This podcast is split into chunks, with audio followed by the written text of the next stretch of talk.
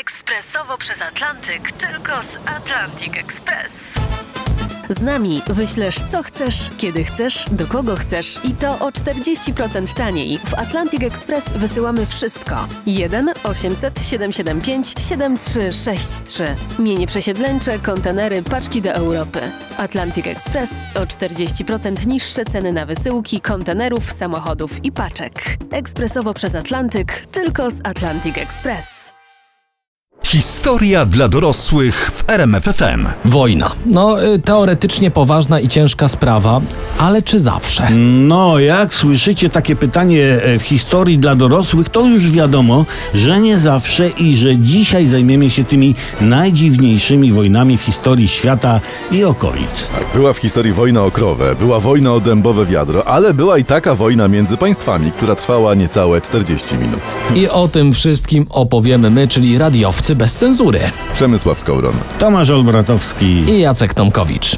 Czas na kolejną opowieść. Najdziwniejsze wojny świata w historii dla dorosłych i radiowcy bez cenzury. E, Mówimy o rzeczach, które wasza pani od historii zataiła, no w trosce oczywiście o wasze młode, chłonne umysły.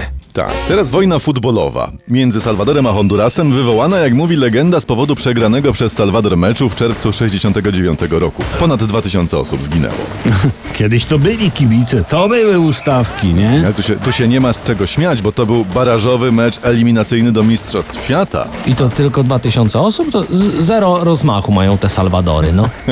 Prawda jest zaś taka, że określenie wojna futbolowa wypromował nasz reportażysta Ryszard Kapuściński. On sieknął piękny, naprawdę piękny, dobry tekst, jak to po przegranym meczu piękna Emelia Bolanos strzeliła sobie z pistoletu ojca w serce, co opisał dziennik El Nacional. Odbył się pogrzeb z asystą wojska, szedł prezydent, piłkarze szli, a w ludziach wzbierała złość. Coś jak u nas, gdy się skończyło 500. Ale skończyło się? No, jeszcze nie. W każdym razie cały świat poznał tę historię, e, przedrukował to w ogóle, to poszło wszędzie w prasie na całym świecie, ale się okazało, że o Ameli nikt nie słyszał. Takiego pogrzebu nie było, a dziennika El Nacional nie ma. Znaczy się Kapuściński wywołał wojnę, tak? Nie, no on po prostu napisał piękną, ale nieprawdziwą historię. I tyle. Aha. To o co się pobili ci chłopcy z Hondurasu z chłopcami z Salwadoru? A widzisz. Sytuacja między tymi krajami od dawna była napięta, jak y, marokańska wiagra. Co? Baranie jaja. Właśnie, najlepiej z grilla polecamy. Y, o co chodziło? Salwador był pięć razy mniejszy, a miał więcej ludzi. I ci ludzie emigrowali. I w końcu 10% wyemigrowało i co siódmy Honduranin był Salwadorczykiem. A nie Salwadorianinem?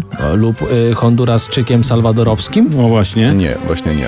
Hondurasi się wkurzyli, że nie będzie Salwador pluł im w twarz i dzieci im Germaniu, prawda? Dzie dzieci Salwadorianin, dzieci z Germanii, no A, chłopie. a wiesz tam, kto oni są i kto za nimi stoi? No, no, może, no może Soros.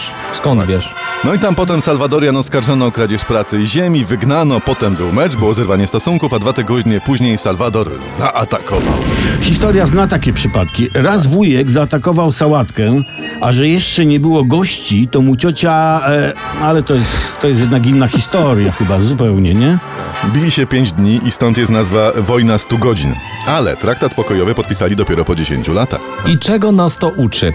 Że y, z pierdoły może być coś groźnego, ale coś groźnego może się zmienić w dobre coś. No, y, morał to może słaby, ale jest, uczy i cieszy. Teraz y, w historii dla dorosłych nie o dziwnej wojnie, ale o najpiękniejszej bitwie świata w 1788 pod Karan Sebes, którą to Austria przegrała sama ze sobą. Czyli czekaj, czyli jednocześnie też sama ze sobą wygrała. A było to tak. Sułtan turecki y, Abdulhamid I Ciekawe, czy, czy fajnie jest się nazywać jak proszek do prania. wysłał wezyra Josufa Paszę, to, się jeszcze lepiej nazywa.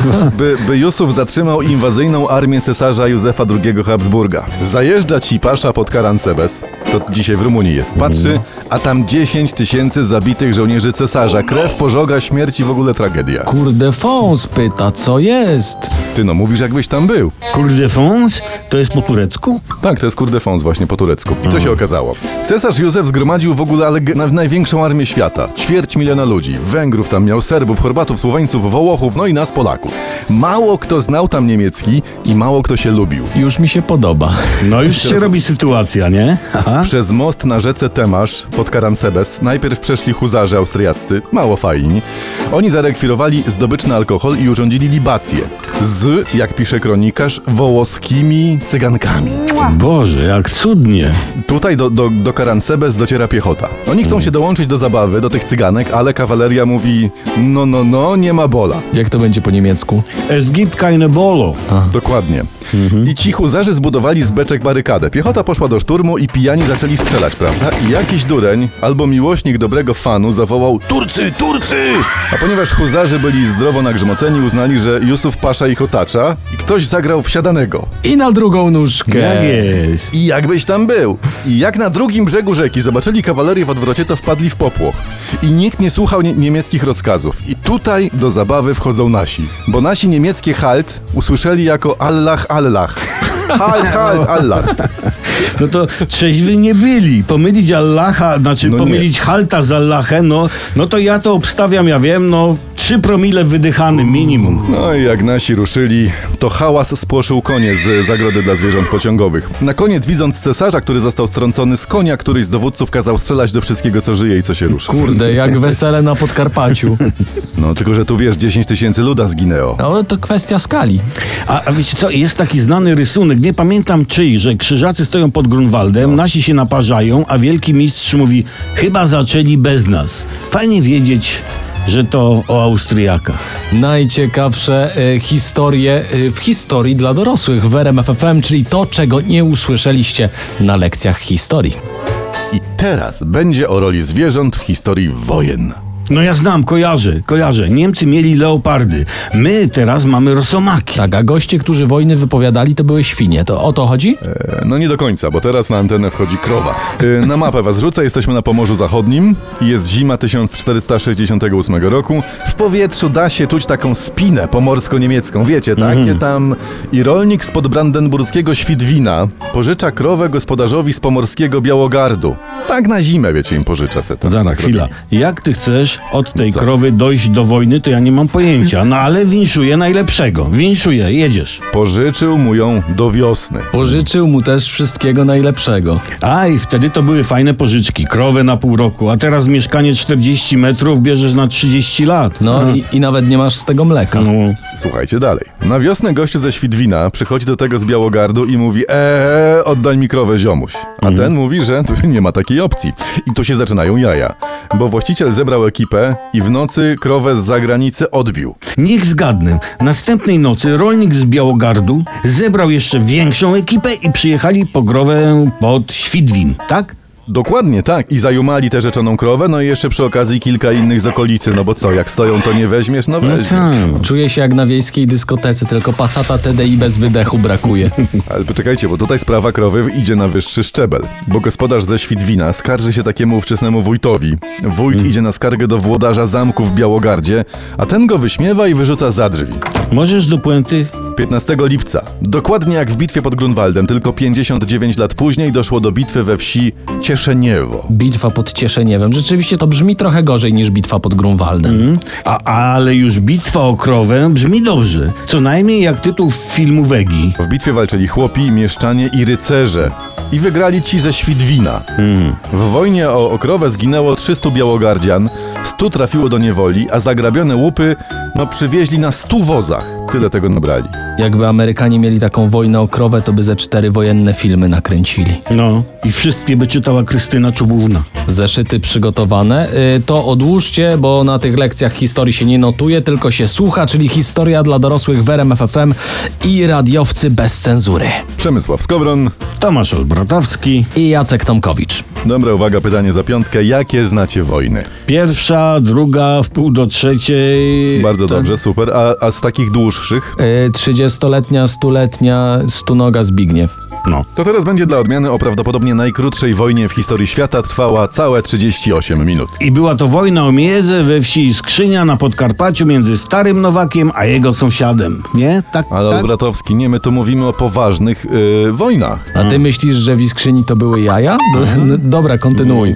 38 minut trwała wojna między Wi- Wielką Brytanią a Zanzibarem w 1896 roku. A Anglicy Zanzibarczykom o tej wojnie w ogóle powiedzieli? Powiedzieli całemu światu, Światu. Mało tego, w te 38 minut zdążyli wypowiedzieć Zanzibarowi wojnę, wygrać ją i zawrzeć pokój. To musiało im się chyba na jakiś mecz spieszyć. Jak to było? Anglicy od zawsze uważali Zanzibar za swoją strefę wpływów, więc jak po śmierci zależnego od Londynu sułtana jego kuzyn ogłosił się sułtanem bez czekania na zgodę Anglii, no to się Anglicy w... tu szukam słowa... W, No zwiesili na przykład. Dokładnie tego słowa szukałem. I konsul brytyjski mówi tak: Ej, wywieźcie białą flagę do dziewiątej albo was zaatakujemy. I o 8.30 sułtan wysyła odpowiedź, mówi: Flagi nie opuścimy i nie wierzymy, że nas ostrzelacie. Naiwność Tak, to jest jednak straszna rzecz. Mhm, dokładnie, dokładnie. Gdyby nie naiwność, to Jaś i Małgosia nie wylądowaliby w chatce Baby Jagi przecież. Ale ty mylisz programy. Wierzyć, że Anglicy ich nie ostrzelają, to jest tak jak wierzyć, nie wiem, Donaldowi Tuskowi, że VAT do 23% podnoszą tylko na 3 lata. A, Że pozwolę sobie zapytać, ostrzelali w końcu czy nie ostrzelali? E, okręty brytyjskie otworzyły ogień o 9.02. Do 9.35 zrównali pałac sułtana z ziemią, zniszczyli całą zanzibarską artylerię i zatopili ich okręt jeden. O 9.40 Zanzibar wywiesił białą flagę. 38 minut to jest żywy dowód na różnicę między tą wojną a wojną 30-letnią. Tu im płacili na akord, a w wojnie 30-letniej na godzinę. Tak, i to jest też żywy dowód y, na przewagę Jerzego Brzęczka nad sułtanem Zanzibaru. Co? Co? Bo sułtan Zanzibaru przegrał mecz w 38 minut, a Brzęczek po 85 minutach dopiero się nad zmianami zastanawia. Olbratowski, Skowron i Tomkowicz, czyli historia dla dorosłych w RMFFM. Teraz e, w historii dla dorosłych w RMF FM opowiemy o chyba pierwszej odnotowanej wojnie z powodu sportu. Ona miała miejsce w styczniu 532 roku w stolicy Bizancjum Konstantynopolu. A to już wtedy grano w piłkę, czy jak? Człowieku, w piłkę nożną to już grali Majowie, Tak. najczęściej obciętymi głowami swoich wrogów. Powaga? No. Zabawnie musiało wyglądać, jak strzelali gole z główki, nie? A były wtedy spalone? Tak były, to były spalone ofiary poświęcone Aha. Ale patrzcie, Majowie grali w piłkę nożną i ich cywilizacja nie istnieje. To dużo mówi o piłce nożnej. Dużo, ale nie o piłce teraz jest mowa, prawda? Konstantynopol stał się miejscem krwawej wojny z powodu wyścigu rydwanów. Rydwany to była taka ówczesna Formuła 1. Grupy kibiców organizowały się w prawdziwe gangi. I te najbardziej agresywne były gangi zielonych i niebieskich. I te dwie grupy prały się ostro, bardzo ostro między sobą. Niebiescy, zieloni. W koalicji PO-PSL też nie było za spokojnie. To afera za aferą. Ale widzicie, wtedy w Bizancjum oliwy do ognia dolał sam cesarz Justynian, e, bo skazał kilku członków obu gangów kibolskich na śmierć za morderstwa dokonywane podczas ówczesnych bijatek, takich ustawek.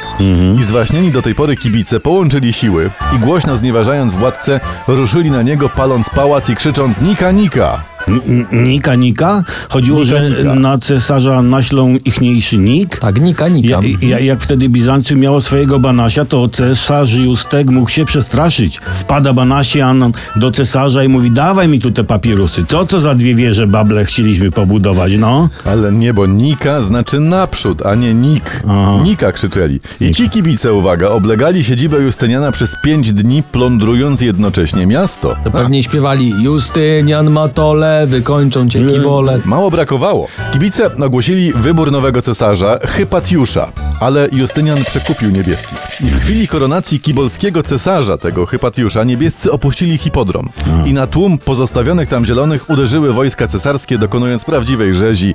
Zginęło około, uwaga, 30 tysięcy osób. No. No słuchajcie, no nie da się uciec od stwierdzenia, że obecni kibole piłkarski no czerpią całymi garściami z tradycji antycznych, nazwijmy to tak. tak. Świadczy to o ich całkiem przyzwoitym wykształceniu klasycznym.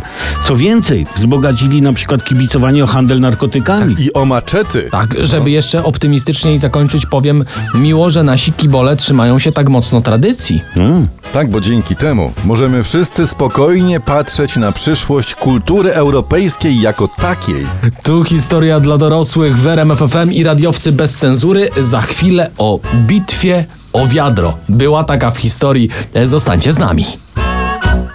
Tu RMF FM i historie dla dorosłych. Niech mnie teraz ktoś zapyta, co? Co? Wiadro! Ale cię zrobiłem.